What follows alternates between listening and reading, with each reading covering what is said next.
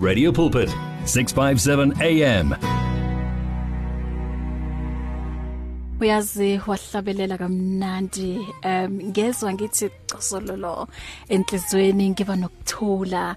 Eh, ngibusiseke impela. Mm phambi kwakhe Jay Hlongwani uthi rain spirit rain. uMayra naye uthi mthembe uJehova. Thepa uyena ngoba ungunkulunkulu uhleze thembekile ngaso sonke isikhathi 19 after 3 o'clock.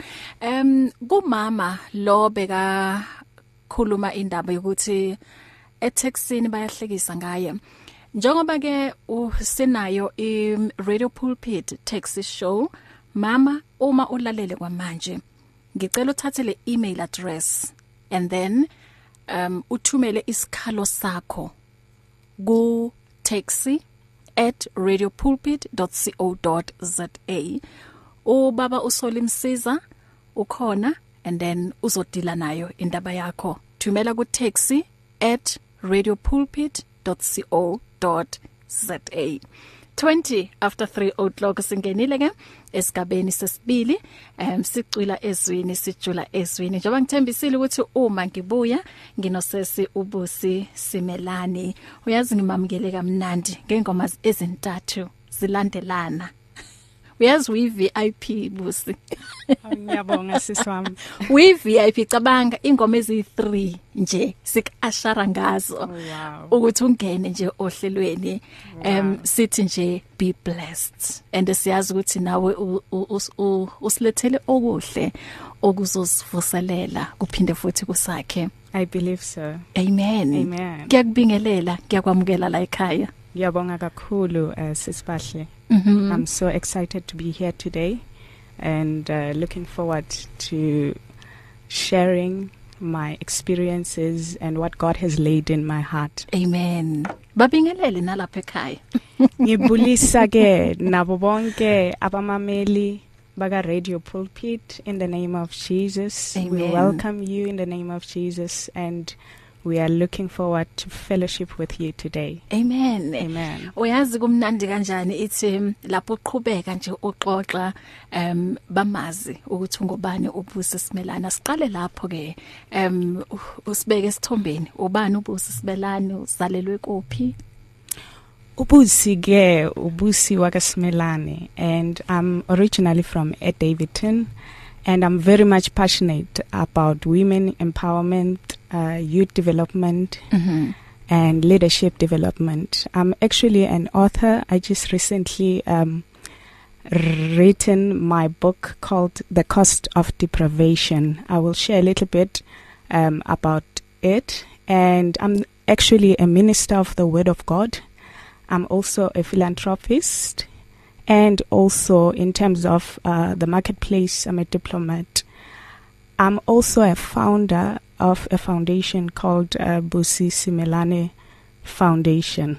mhm nenzani ku ku foundation Okay, basically my foundation is um more into youth empowerment, development and leadership. okay And what I do mostly I am doing counseling. mhm I also encourage young people okay. to educate themselves mm. because I believe education is key especially yeah. in the seasons that we are living in. If you Yeah. are not educated and you don't know your story it's easy f- to be carried away. Mhm so you need to be educated and as well as also in your education I encourage them to also study the word yeah. and understand who they are. Yeah. In the kingdom of God amen also I do training um in terms of them taking good care mm. of themselves because I believe that identity is key yeah if awuzazi ukuthi ubani mm. you can be easily carried away Yeah. especially um in this world that we are living in Mm. if you cannot classify yourself on a certain um space or within a certain status you, you can easily be carried away so Mm.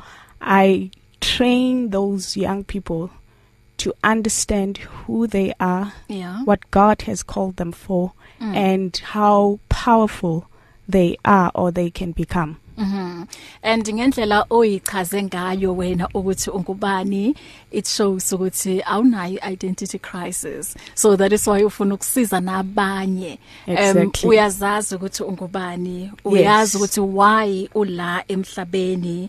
Yebo. Um uyazi ukuthi impilo yakho what is it all about? Uyazi ukuthi um yebo kubaleka kangakanani ukuthi uzazi uma ungumuntu. So muhle umsebenzi owenzayo. Qhu- qhubeka ikhu- ikakhulukazi intsha yanamuhla. Hey inkinga ebusi yes. Inkinga. Yes, ilahlekile nje iidentity kubantu abasha. Kakhulu. umoya umu u- uya ngapha baya baya ngapha. Umoya umuya ngapha. So uyabona ukuthi nje kune confusion eningi. That is why egcineni kosuku manje sigcina singenayo iyouth okuwukuthi igrounded ikakhulukazi ezwini likaNkuluNkulu. So siyababonga abantu abafana nawe ukuthi ke um, uzosivuselela lesizwe ikakhulukazi sentsha um isizwe sabomama. Yes yes. Mm. Um incwadi le um the cost of deprivation asiqale ngokuchaza leli gama. Phela eyigama elikhulu leli. Eh lichaza ukuthini? Okay, the word uh, uh, deprivation. It means to be denied something that is a necessity. mhm So it was in 2012 when the Spirit of God dropped the subject of this um, book, Mm. or actually impressed it in my spirit. I did not understand what the Spirit of God meant by deprivation. Mm. However, um, little did I know that um, as I actually go on with my journey of life, Mm. I will go through um, a process of being deprived Mm. in actually a deeper way. And the reason why I had actually written the book is to make sure that people understand Mm. that being deprived something that you need you know it can delay you.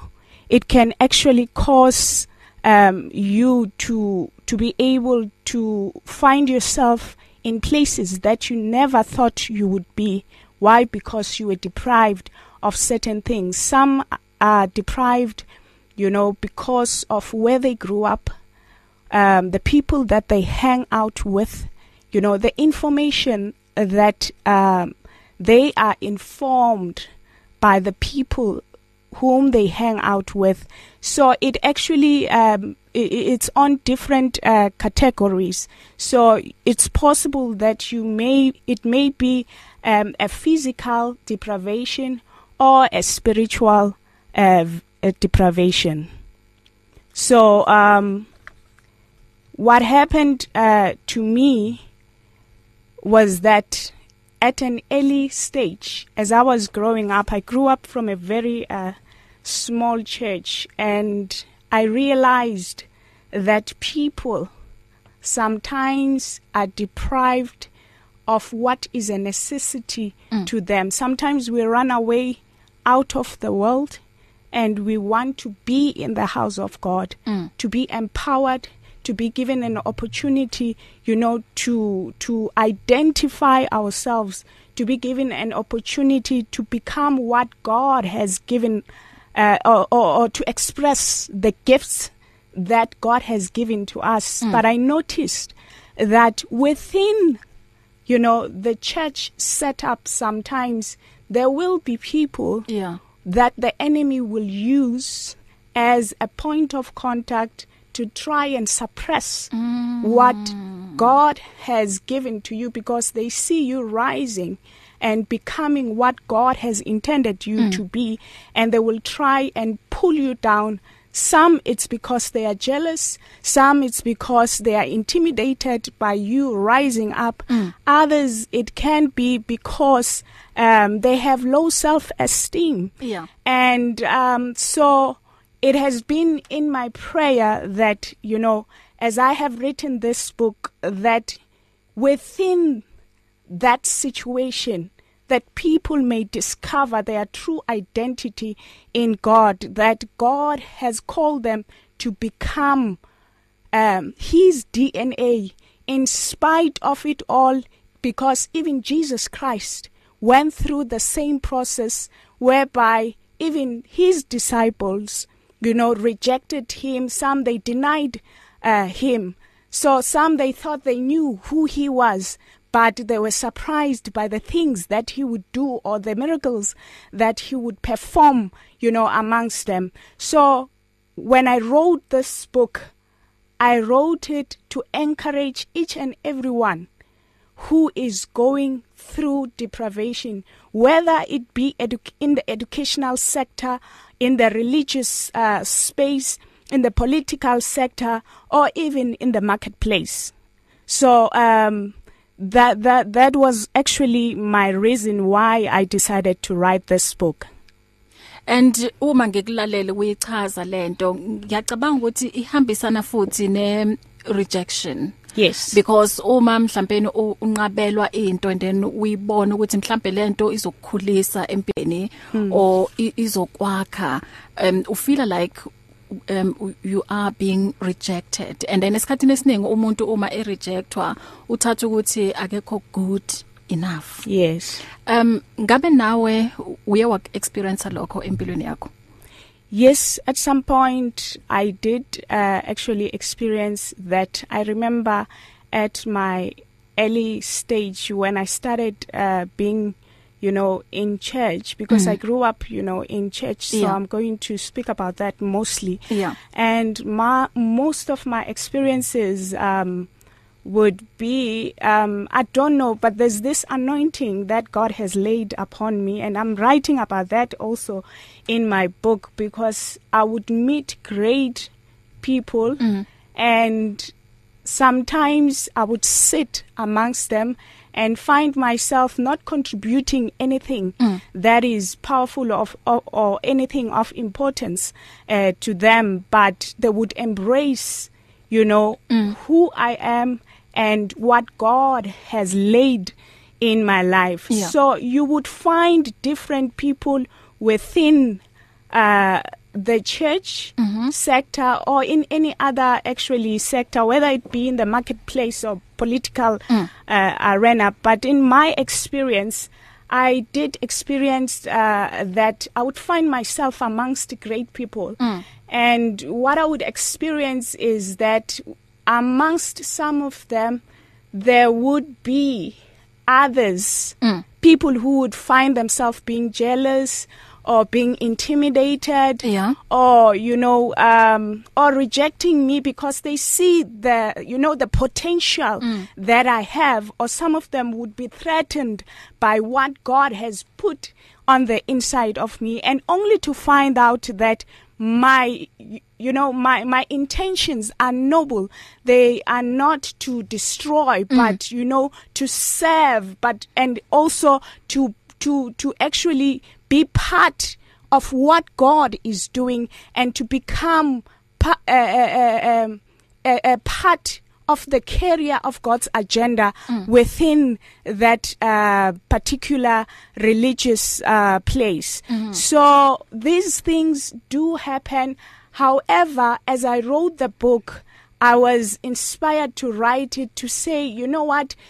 God is able Amen. to make a Amen. plan for you Mm. whether there be people who will try and pull you down Mhm. and and make sure that you do not become Mm. what God has intended you to be whether it be at school or it be um you know at work because sometimes you know you'd find yourself uh, that your supervisor does not like you Mm. not understanding why Mm. it is Mm. because you are rising it is because you are becoming um you are intimidating uh them so in my spirit i wrote this to to actually encourage those who are feeling like that Mm. because i believe it is a weapon that the enemy is using and i know that some of the people they even left you know christianity Yeah. because they are not they are rejected i mean Yeah. they we leave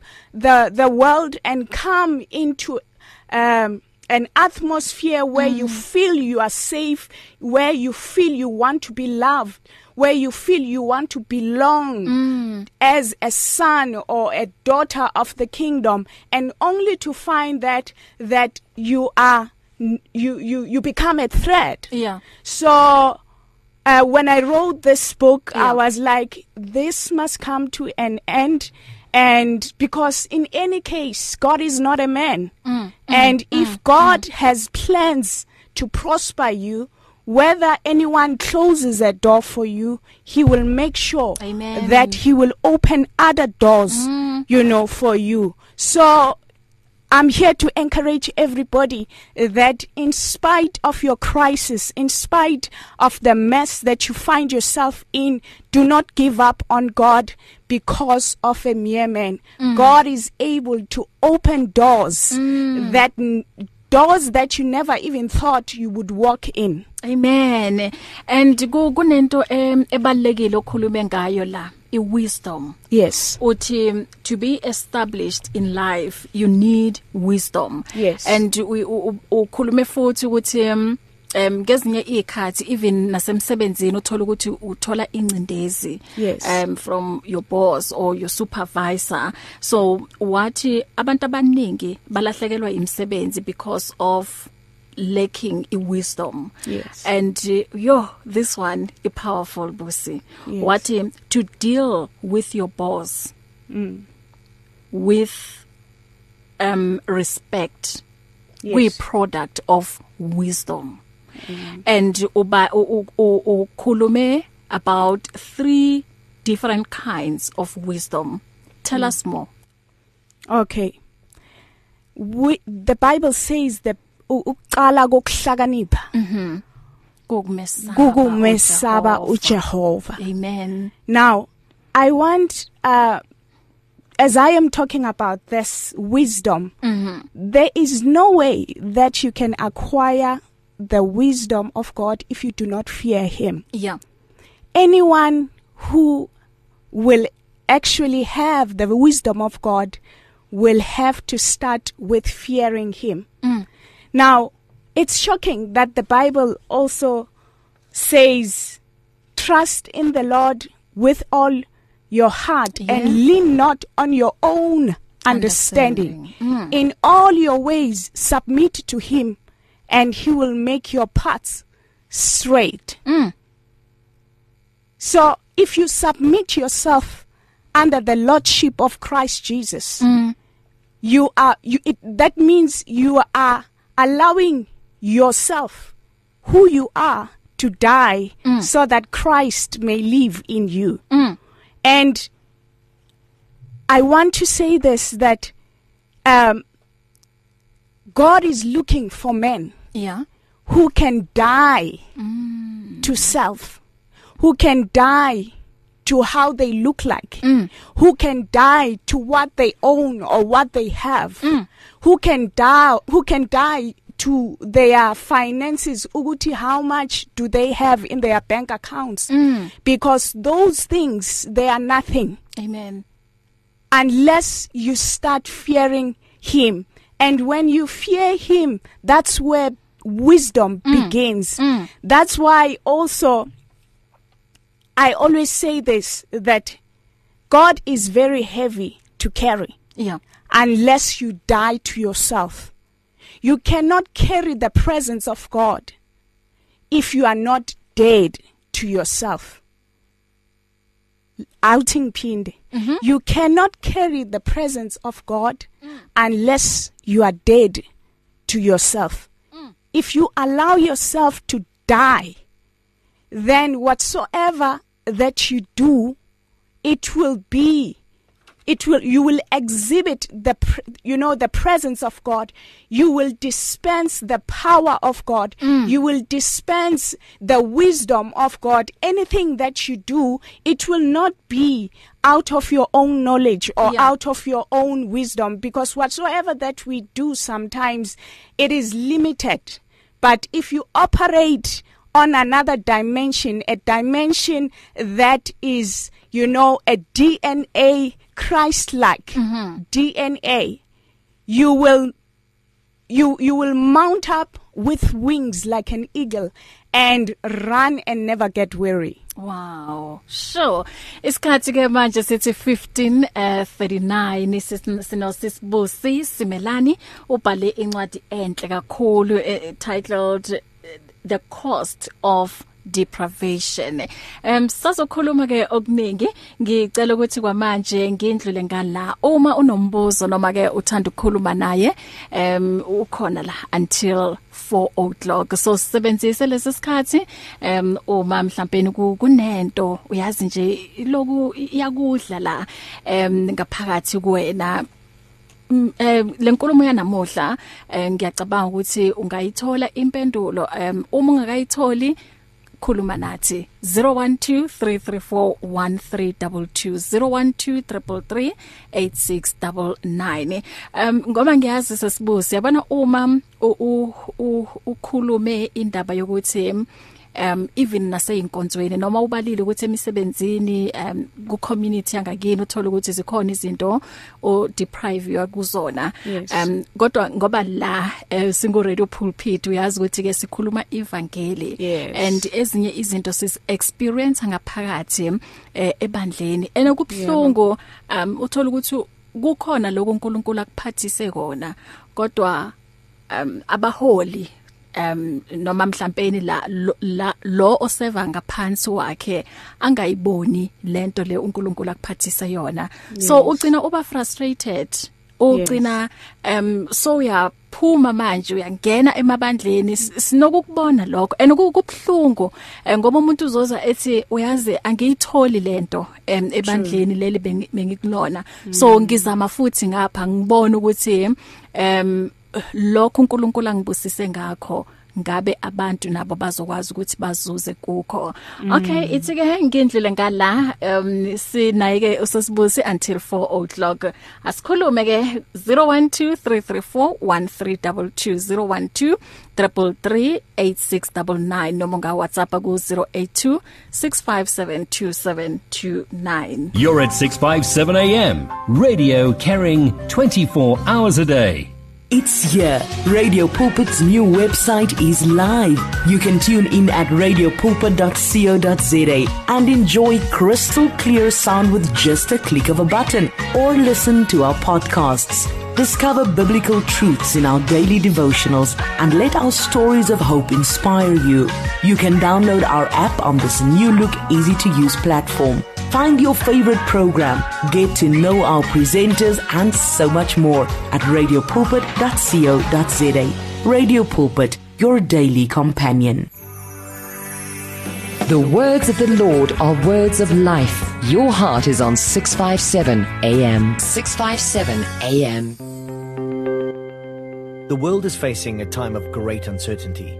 The COVID 19 virus has impacted every person in some way or another. Are you afraid? Are you unsure about the future? Are you alone during this time? Radio Pulpit is your daily companion. We are here for you. Tune in to Radio Pulpit on 657 AM. Listen to us on our app or web. Tune in to DSTV channel 882 or OpenView channel 607 for a message of hope. You can reduce your chances of being infected or spreading the COVID 19 virus. Regularly and thoroughly clean your hands with an alcohol based hand rub or wash them with soap and water for at least 20 seconds. Maintain at least one meter distance between yourself and people. Avoid touching your eyes, nose, and mouth. Make sure you cover your mouth and nose with your bent elbow or tissue when you cough or sneeze. Stay home if you feel unwell. If you have a fever, cough, or difficulty breathing, seek medical attention. Do not greet each other by hand, rather use the elbow shake.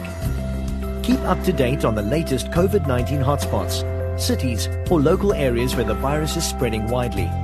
If possible, avoid traveling, especially if you are an older person or have diabetes, heart, or lung disease. In the end, we know God is much bigger than any virus, and we trust in Him. Remember, in your home, in your car, or in your office, Radio Pulpit is there for you. 1544 usando kungena siyakwamukela isigaba sesibili lesi sijula ngezwi until 5 o'clock. Manje ke ngino sesibusi simelane. Uyazi sikhuluma indaba enamandla la the cost of deprivation. Um sesibusi ngiyacabanga ukuthi i deprivation ihambisana futhi ne emotional abuse. Um njoba ngikhulumile phambilini ihambisana futhi ne rejection i discrimination and abanye eh, bafila ukuthi um they have been betrayed. So umuntu angayihandle kanjani i rejection and kune statement osikhulumile la esinamandla ukuthi how you you handle rejection has the power to determine your destiny. Ngaphambi kokuthi ke si um uphendule lombuzo um kunomama ne earlier on beka phone la ekhala ngendaba yokuthi um ngathi akam abantu abamamukeli ngendlela abukeka ngayo so bayahlekisa ngaye. And ngicabanga ukuthi i rejection leyo Yebo. and kubhlungu ngoba uma uphilisana nabantu uexpect ukuthi bakwamukele ngendlela ongayo. Um cabanga nje ithi ngithi umuntu uyahlekisa ngempumulo yakho. Akusuwena oyenzile lempumulo ukuthi ibe engaleyo ndlela. So that is why abantu bagcina bangaphansi kwencindezi bagcina baya kuma um kuma plastic surgery. Ngoba umuntu ubona ngathi akamuhle ngendlela uNkulunkulu amdale ngayo. So umama bekakhala ngaleyo ndaba. So before ke um, sizongena kuyona and um motivate umama noma um encourage ngicela ukuthi silalele nawa ama um ama voice note. Angibingelele wena sesibahle ngibingelela abalaleli be radio pulpit. Sesiwami Nkosi yami ngedaba kakhulu ongoma wami Nkosi yami okubukise ngayo eteksini. Eh isinyathelo sesimele senze okanye uma wami akathathe le ndaba le 1 ayireporte ku taxi manager eofisini uze kusothakale udriver lo. Yes ngokuqala nje lo. Kwesibili umama aqhubeke ngokuba confidence aqhubeke nokuba nguye amethembe uNkulunkulu. Angayisabi ukuthi wena unjani udalwe uNkulunkulu futhi nakumele aphume aphume angasabi ukuthi eh bathi nginjena nginjena no angakusabi lokuma wami. Kodwa udaba leli akayoreporta ku-taxi association etakhona kumsida kulenzaba lena yalo driver akhone ukudisciplina amethembe uNkulunkulu nasezimini ezinjena. Umama akayidalanga wadalwa nguNkulunkulu. Umama we are still we alive you ngothando luka Kristu you are great as you are. Angibonge sesibahle ulakhi Sibanyoni. Ngila eEmelo eMpumalanga province. Mm. Um ngicela ukuthi silalele futhi nansi enye. Hi, Sisibahle. My name is Muzi. Um, I am from Kagiso. Um, thank you for the great show. I just want to to encourage um, Umamalo Ofonile earlier on. Um, yeah, it's so bad when everyone seems to be um, laughing at you, making you a laughing stock and all that. And uh, I believe she is a parent, she has got children, she has got a family. And I mean, it's not only her that gets hurt, but the entire family. But I can say that I remember a man who was crippled to the age of, of three years, um, a man called Mephibosheth. This man, he was living at a place called Lodiba, a place of nothing. So this man had a condition, and the place was living in it was a place of nothing, you know. But at the end of the day, because of the grace of God, he found favor when King J- when King David asked, "Is there anyone in the house of Saul that can bless, that can have kindness, um, for the sake of of Jonathan?" Now, the mother, she is our mother. I don't know her, but I just feel in my in my in my belly, I feel connection. I'm connecting with that mother so much, and uh, we just have to continue praying for her. We just have to pray for the grace of God, the the the, the, the grace, um, Pastor Sbo, um, to a grace to to escape the snares of the enemy. She is a child of God. God loves her, and I know for sure that there's a bin to throw. We there's a bin to throw uh, to throw away bottles. Uh, we have bins to throw away plastics and other stuff, you know. But we do not have a bin to throw people to throw away people. So in the name of Jesus Christ, I pray for her to have peace and just to focus on the power of the cross. Amen. Muzi is my name from Kagiso. Thank you, Pastor. Thank you Muzi and thank you to uLucky naye ke ebethumeleke amazwi akhe okumvuselela umama It's difficult to face the overwhelming pressures of life alone. Sometimes we just need someone to talk to, someone to listen to us. And what better way to do that than through a quick and easy WhatsApp text? Whether you're having a hard time coping with school, family issues, being bullied, depression, or anxiety, speak to someone who cares today. Send a WhatsApp message to 064 530 6805 or 074 995 9085. Our I Am Youth Counseling team, Charles Dudoy and Danny Vambili, are ready to connect with you today. Our family is just getting bigger and bigger. Welcome to 657 AM. So Sesmusi how to respond to i- i- rejection Okay. Um well for you need to actually understand who you are. That's why I always say identity is very very important. Mm. It's important for one to understand who you are yeah because if you don't know who you are, people will tell you who you are. And True. when they start telling you who you are, you will succumb to what people are saying you Mm. are, whether it be good. Or bad. Mm. Abanye bazokutshela ukuthi umuhle, you know, you you are good looking or you know you've got it all. yeah And after a while, babe intimidated by what you are and Mm. tell you something else. So that's why it's important ukuthi uzazi uzazi ukuthi Yeah. ungubani. Mhm. So also you need to understand ukuthi tina we are sons and daughters of the kingdom. And therefore we do not identify ourselves with the world yeah but we are heirs of the kingdom of God. yeah So once you identify yourself as a son or a daughter of the kingdom, there are certain things that will come in your life and they will not affect you. mm. Ukuthi usuka endaweni you know ebheda kangakanani engathuthukanga kangakanani Mhm. angeke kukwenze ukuthi ushintshe ukuthi ushintshe ukuthi ungubani or ufuna ukuthi you know uvele Mm. as in if you are the great person you become comfortable on who you are because you identify yourself as Christ Mhm. and once you identify yourself as someone who has the DNA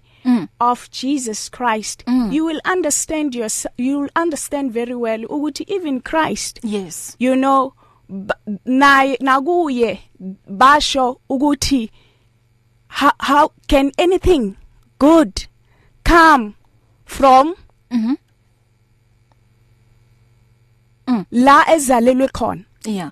So ukuthi usuka endaweni embi kangakanani wazalelwa you know la kungathuthukanga khona. Yeah.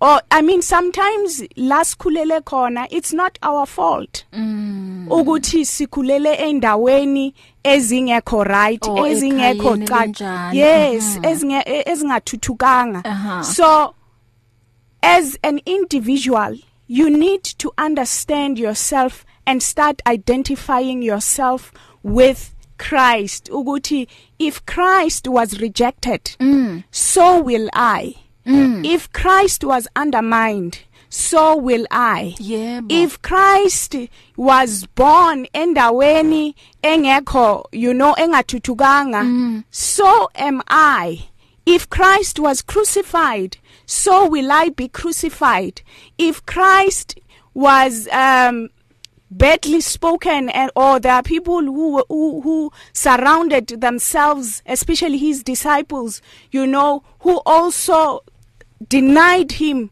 so will you be denied Mhm. so once you start identifying yourself with Christ Amen. you know God will will live the spirit of God will live in you and you will start living in a dimension that cannot be explained ukuthi you know kwenzakalani you life yakho it means iba um iba progressive in a way that um you you you are not carried away mm. by any situation Amen. that comes your life people who come to you and tell you ukuthi how bad do you look like it you will reach a level where you start identifying yourself mm. with Christ ukuthi if Christ be for me Yep. who can be against, me against me okay asindlule ke ngama uh, um, um uh, WhatsApp messages uthi la ubaba amen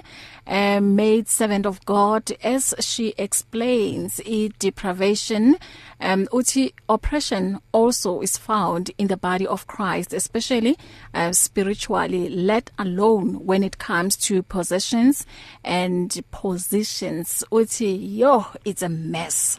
Okay uthi beautiful statement. How does one die to thyself so that the presence of God can live within you. Umbuzo loyo sizobuyela kuona ngicela ukuthi nje sindlule ngawo wonke ama uh, WhatsApp messages lana. Eh ubongani the author umankethe uthi rise influence impact and continue to inspire greatness. It is your time and your season. We will no longer live our lives under the law of deprivation. The son of man has come to set us free and we are free indeed. Kuyiqiniso lelo um hi sister Bahle and sister Busi. So encouraging and powerful message. uNkulunkulu akubusise sister Busi. Ukwazana noNkulunkulu kubiza um kubiza ukufa. um u uh, huh? uayanda kuphile uKristu ngaphakathi kwami. Yo i'm blessed. Okay um okay um eh, inglahlile lapha kuayanda.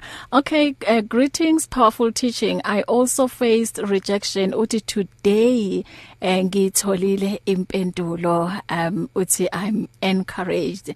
Thank you. Wow. Mm. That's beautiful.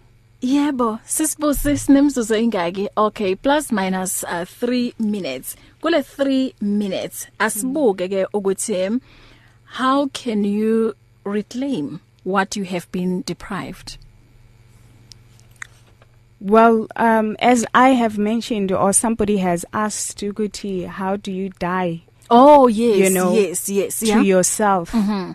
Um, you need, you, you, I, I, I actually believe that there's a dimension of life that you cannot, that cannot be explained by Mm. science. Why? Because I believe life is spiritual. Yeah. if you conquer your flesh and live in the spirit you will overcome a whole lot of things Mm. that will come as an attack in your life Yeah. so i want to encourage everyone who is listening today that fight your battles not nabantu Mhm. do not succumb to what they are doing to you Yeah. do not become what they are Mhm. become a different being Amen. become a spiritual being fight your battles in the spirit because God will enable you to be victorious in every battle that you come across. So i would like to say that um there is there are different uh, dimensions that you will never encounter until you die to self. As long as you know your name who you are what you dress like uh, how important you are the beautiful car that you drive and how much you cannot be rejected or underestimated or be disrespected sometimes if you die to yourself god gives you that spirit or the ability you know to be humble in sometimes it's very difficult and there's no one who can stand you know being mm. humble in any uh type of situation that is painful to him or her Yeah. but as soon as you die to self then God is able to say humble yourself because my time is coming Mhm. and I will definitely lift you up Amen. whatever that you are asking for or looking for or seeking for if you are denied whatever that is necessary at that point of time I am God. I know the plans that I have to you and my plans is to prosper you and to give you an expected end. Hallelujah. Hi Sister Bahle and Sis Busi uthi you are a blessing. Powerful topic uthi most leaders in our churches are intimidated and are jealous of gifted spiritual members instead of enhancing and grooming them. They sideline or mistreating them. Um i comment leyo ibuya lapha ku Mr Hadebe ungaleke eBinoni.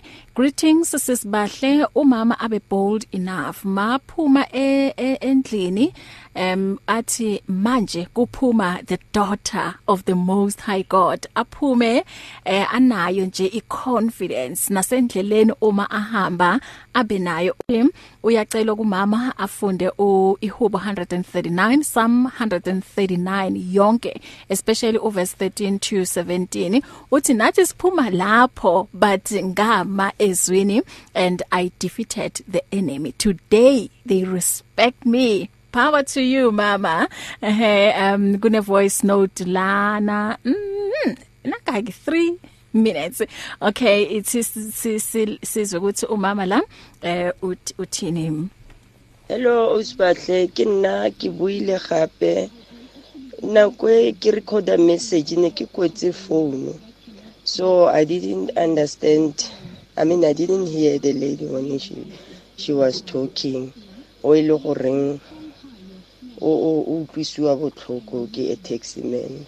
So now all i can say to the lady sisi ke fitile mo mathateng a tshwanang le ao. So nna ne ke dirwa ke the man o ne ke dula le ena so he was always like telling me about how i look my shape you know? Le ge re tsamaya i was then uh, 25 years old le this man. Le ge re tsamaya mo tseleng na rata go bua gampe ka my shape. Then o tla bua bontle ka the shape ya another lady o re kopanang le even ko ntlong ne ke feela uncomfortable you know all the time. Eh if you can look at my profile pic ke nagana by then ne ke ise ke ke pholosiwe and ne ke ise ke be le tsebo ya gore motho go le motho tshwanetse o ikamogele. O ithate sa mathomo. Nna nka mo rotloetsa ke re itsebe sese ikamogele pele then o itsebe wena o ithate. Because nna ha ke ne ke utlwisiwa botlhokwana go feleleditse mo ke sa mo utlwisise motho ona. One day e be ke meeta another lady o e le goreng o disabled sitting on a wheelchair couldn't speak. And o na lebega ka tsela e nngwe you know? Then i have to question myself why am i so worried about me about my shape about my legs that this man says i look like uh, you know an ostrich? So i no. Dilo tse dingwe ga ke ne ke bua ke re dilo tse dingwe di re utlwisa botlhoko le mo go sa um kgonagaleng teng ra di kenya gore di re utlwise botlhoko. Then ka tla ka kopana le o mongwe gape a lebega botlhoko yena na kore mo nna ke bone gore norman motho o na setshwano sa gage se ka tsela e nna ke sa e utlwisiseng but na le so happy you know a tlotla go le monate mo taxing. Ke teng mo ke kileng ka simolola ka ya ko ntlong ka itšheba gape mo spelling ka re no this is not what he says about me. I look good you know. Jaanong that's why ke re se se tlogela tsotlhe o itshwarele bone batho bao then wena o ikamogele ebile o ntse o rapela gore ba se ka go utlwisa botlhoko. Okay bye bye sisi. Ah thank you mama ngokuthi um encourage umama. And nakiboni profile pic ya hawo bona umunhle futhi akekho nje umuntu okumele akutshele eh, okunye. Ngoba mina ngibona um isidalwa nje esihle esikaNkuluNkulu. Thank you so much Mary Filwe ukushare nawe udaba lwakho. Hey sisi busi sisibahle isikhathi sami siphelile ngiyabona um voice note aluka ayangena. So in closing ungathini? Ikakhulukazi um um bengibuzile lapho ukuthi how can you reclaim what you have been deprived in in one second? nje Okay, in one second, the book of Isaiah, chapter 40, verse 31 says, But those who trust in the Lord for mm. help will find their strength renewed. In other words, they are going to resume after interruption. Mhm. If the bible says it's their strength is going to be renewed. Also it says they will rise meaning they are going to move from a lower position to a higher position on wings like an eagle. They will run meaning they are going to move at a speed that is faster than walking and not get weary. They will walk and not grow weak. Also mm. lastly in the book of Psalms chapter 34 verse 19 the Bible says many are the afflictions of the righteous but the Lord delivers them out of them all in other words God will hand over to the proper recipient who is Christ himself whatever challenges that you go through mm. hand them over to the recipient and that is God and he will handle everything for you. Amen. God so, bless you. God bless you. Too. I also want to thank uh, my church Oasis of Life Family Church. Uh, oh, Apostle Yes, Apostle Ian Sithole and uh, Mam Sibongile Sithole. Amen. Amen. Mm and then utholakala kuphi mhlawumbe uma bethanda ukuthi eh bafunde lokho singakukhulumanga eh kule ncwadi yakho The Cost of Deprivation. Well, um, you can reach me on my number. My number is 0664802333. I repeat 0664802333. And I'm also on Facebook. My name is Busi Simelane. Or you can also reach me on my email address at simelanebusi with a cy at gmail.com. Aspinda my number 066 066 480 Mhm. 2333 2333 correct oh Thank you. Thank you so much. Bosi ukuthi usinikeze isikhathi sakho uhleli nathi eh sidlile. Ah kube ilunch emnandi ngempela lebo siphathele yona. Uyazi if fresh inomsoco and um ngibonga nama comments um njengoba kukhona umama la athi naye always bekafila ukuthi uya reject kodwa namhlanje uyitholile um impendulo. Wow, thank you so siyabonga. much and may god bless you. Ubhale more books. I will do so. Amen. Amen. Mm, um selishayile ke elesine hora 7 after 4 o'clock. Singene ke esigabeni sokugcina. Ila ke sithola i discussion yethu. Namuhla ke sikhuluma ngama false prophets. Sibuke ukuthi what is a false prophet? Ngikanye no Reverend Fezile Maqaqa eh kanye no mfundisi o Aaron um Velem ithi ke ngiba ashare la ngalomhlabelelo kaPhindi P uthi reveal yourself. Many people across South Africa are being blessed and encouraged by the Radio Pulpit devotional magazine, The Word for Today.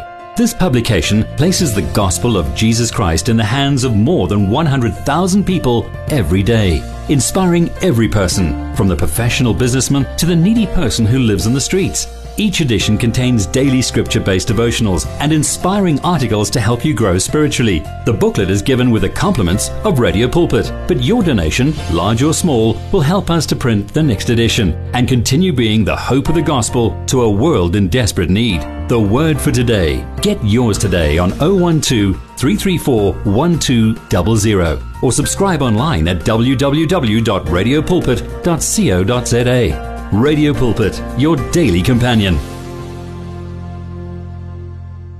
One vision, one voice, one message. Radio Pulpit 657 AM and 729 Cape Pulpit, impacting lives from Gauteng to the Cape.